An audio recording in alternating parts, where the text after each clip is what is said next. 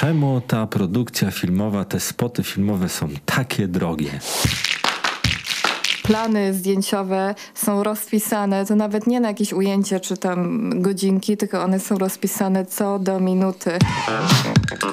Kosztorys jest taką biblią produkcji właśnie filmowej trochę się jakbym w planszówki grała. Przedstawiam te elementy, myślę o wszystkich ewentualnościach i rozwikłanie e, takiej zagadki logicznej przynosi później e, bardzo dużą satysfakcję. To jest drugi odcinek naszego podcastu Historia o produkcji filmowej i animacyjnej. Dzisiejszym gościem w programie jest Agnieszka, nasza kierownik produkcji. Witam, witam.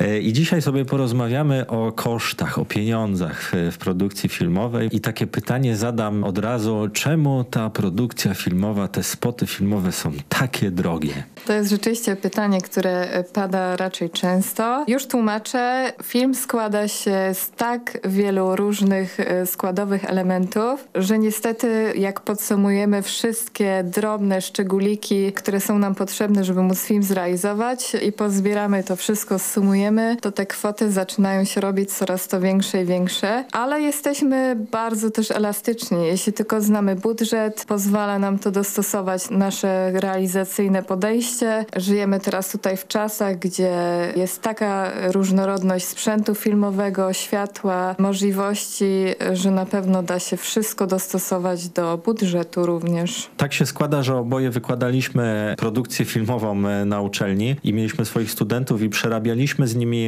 kosztorys i ja uważam, że kosztorys jest taką biblią produkcji właśnie filmowej i jest pewnym takim punktem wyjścia, jeśli chodzi o realizację. Zgadzam się tu w pełnej rozciągłości. Ja miałam to samo podejście do studentów. Też zaczynaliśmy od kosztorysu. E, myślę, że jest to fajny taki punkt wyjścia, żeby uświadomić e, studentom, że filmu nie da się wycenić na sekundy, minuty, metry żadną inną miarą. Każdy film jest e, tak różny od siebie nawzajem i ma tyle jakichś nowych składowych, nieprzewidywalnych, że trzeba za każdym razem się bardzo porządnie zastanowić, co tym razem będzie najbardziej efektywne, co będzie potrzebne, z czego z kolei możemy zrezygnować, co będzie przesadzone i też e, co jest bardzo ważne i co uświadamiałam studentom, żeby móc w ogóle zacząć taki kosztory stworzyć, musimy najpierw umieć sobie w głowie wyobrazić, jak dokładnie będzie wyglądał skończony film i jak będzie wyglądał plan zdjęciowy, e, żeby do tego efektu e, doprowadzić, żeby go skonstruować i dopiero jak przeanalizujemy sobie te wszystkie składowe w głowie, możemy usiąść do Excela i to rzeczywiście rozpisać.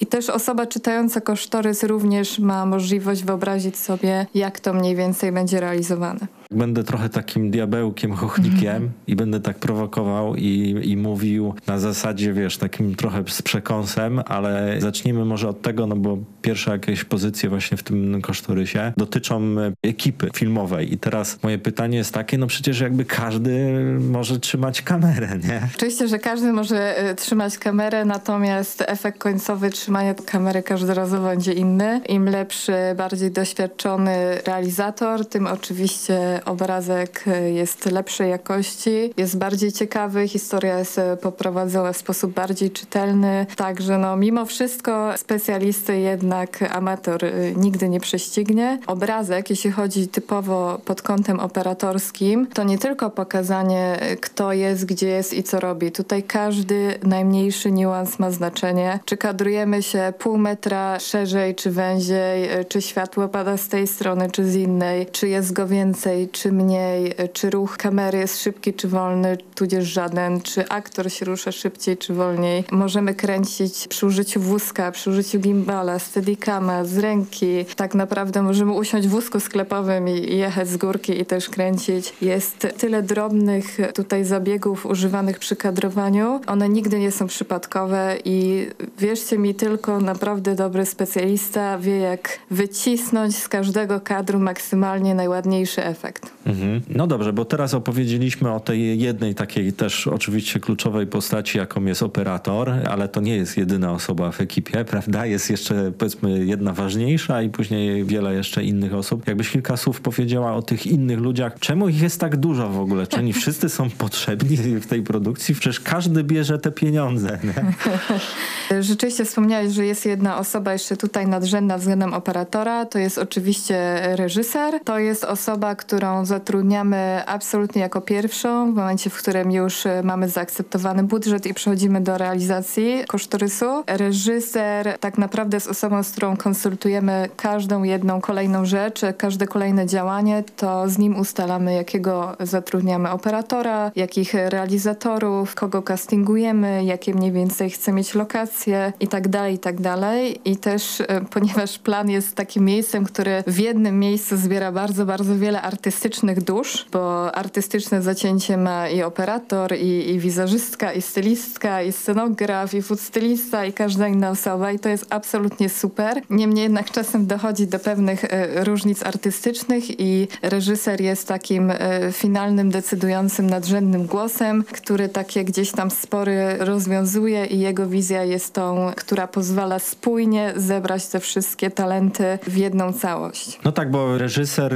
też jest taką pozycją powiedzmy w kosztorysie, mówiąc tak bardzo zimno, która faktycznie ma jakby bardzo dużą też odpowiedzialność, ale też ma powiedzmy rozstrzał tych stawek dosyć wysoki, nie tylko jeśli chodzi jakby względem reszty ekipy, prawda, ale też jakby względem w ogóle reżyser kontra reżyser, nie? No Tak bo te stawki są jakby między kilka a kilkadziesiąt tysięcy złotych. Z czego to wynika? Wynika to oczywiście z doświadczenia, z portfolio, z renomy, z wielu czynników i też, co tutaj myślę warto wspomnieć przy tej okazji, oprócz tego, że mamy właśnie reżyserów gdzieś z różnym portfolio, z różnym doświadczeniem, to też dobierając każdorazowo reżysera do projektu, nie tylko patrzymy na budżet, ale patrzymy też na jego e, specjalizację. Jeden reżyser się czuje lepiej w spotach typowo foodowych, inny z kolei bardzo fajnie prowadzi storytelling, e, ktoś jeszcze inny ma świetną rękę do dzieci, drugi z kolei może być świetnym reżyserem, ale akurat dzieci to jest jego słaby punkt i tutaj nie czuje się pewnie, żeby z młodymi aktorami pracować. Jeden lubi konwencję bardziej tradycyjną, inny bardziej pojechane filmy, także za każdym razem y,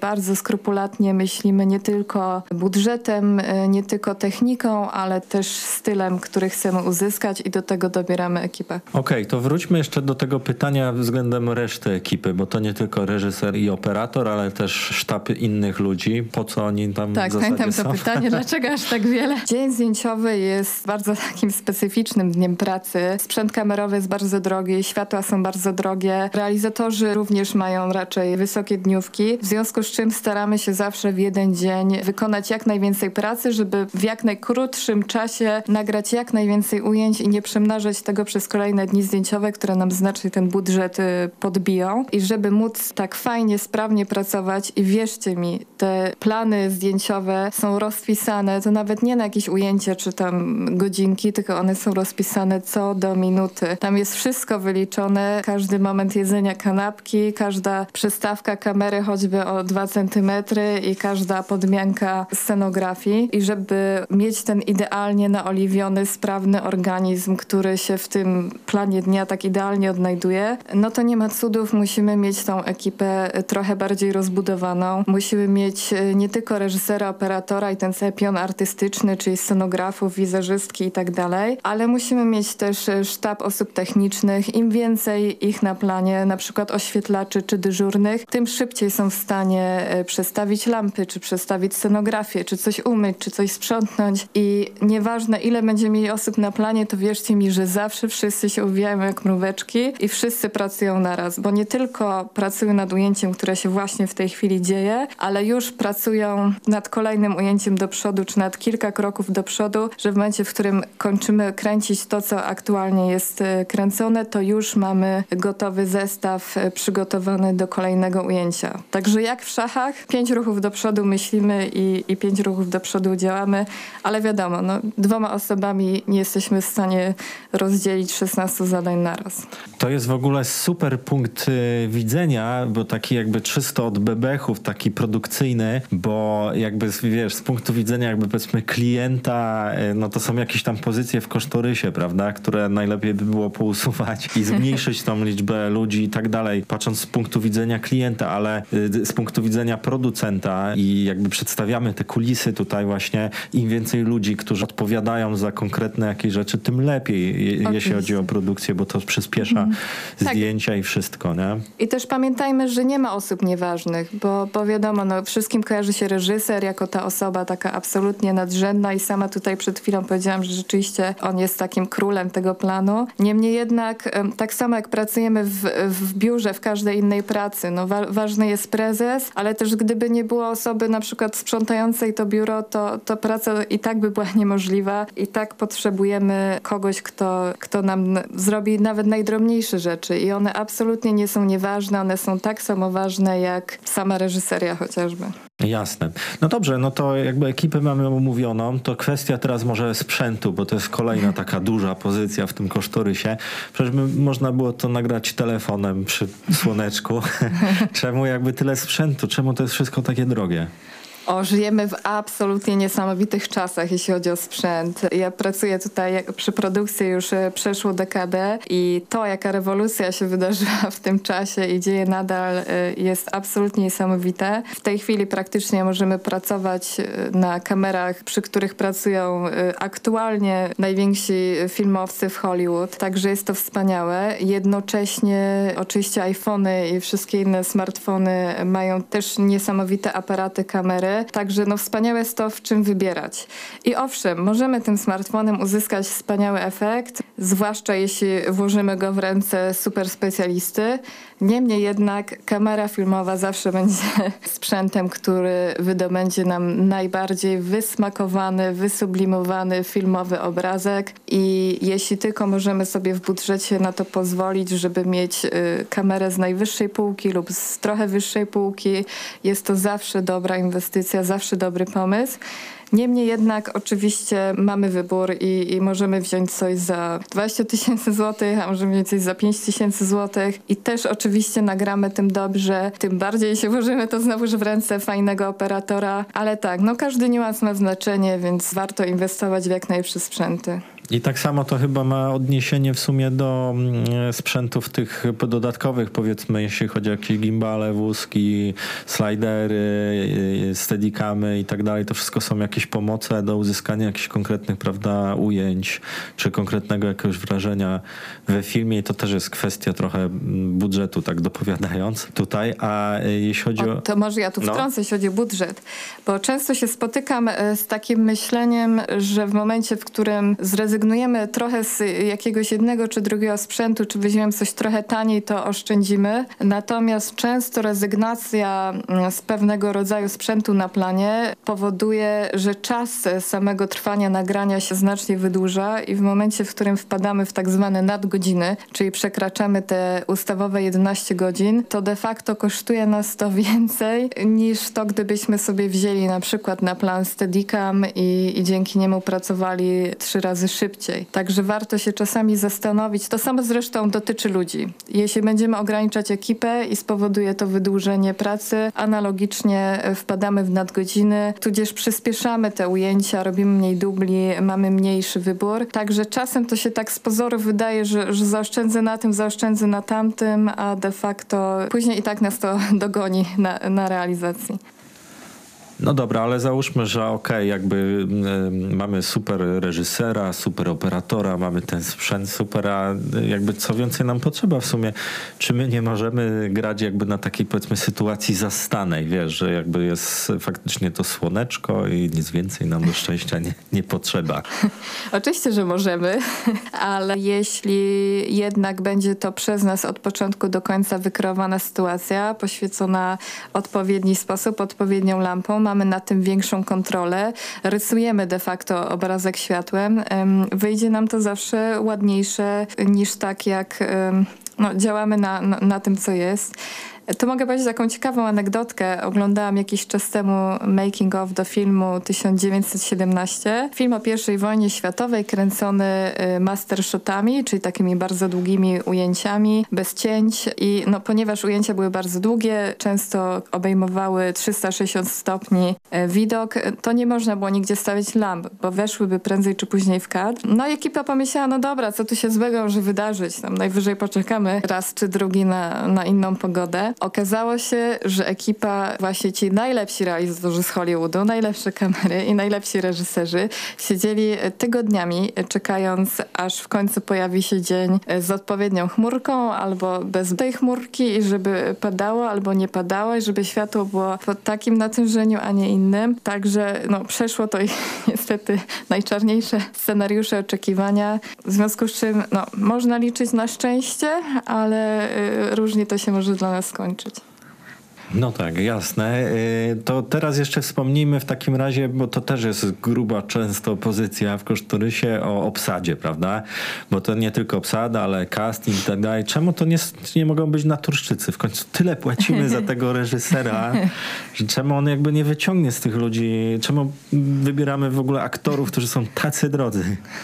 To może zróbmy taki eksperyment. Włączmy sobie w domu telefon, e, skierujmy na siebie i teraz załóżmy, że odgrywamy jakąś rolę, w której czujemy się nienaturalnie. Myślę, że, że każdy z nas, co najmniej większa część z nas w takiej sytuacji czuje się mocno skrępowana, zaczyna się nienaturalnie zachowywać i wierzcie mi, jest to absolutnie naturalny odruch. Ja, e, mimo że często jest na mnie ustawiane e, światło w czasie dnia nagraniowego czy kadrowanie i wiem, że nawet to nie jest włączona kamera, że ona nawet nie ma włączonego nagrywania. Za każdym razem, jak staję przed kamerą i cała ekipa się na mnie patrzy, e, to zaczynam się wygłupiać, wydurniać, bo po prostu nie, jakby ta świadomość, że, że wszyscy mnie patrzą, że kamera jest we mnie wycelowana sprawia, że, że od razu czuję się bardzo nieswojo. I jakby mi ktoś kazał rolę jeszcze do tego odgrywać i bym wiedziała, że to świat zobaczy, no to już, to już dramat. I oczywiście dobry reżyser e, z naturszczyka wyciśnie e, tyle, ile się da. Jak się poszczęści części to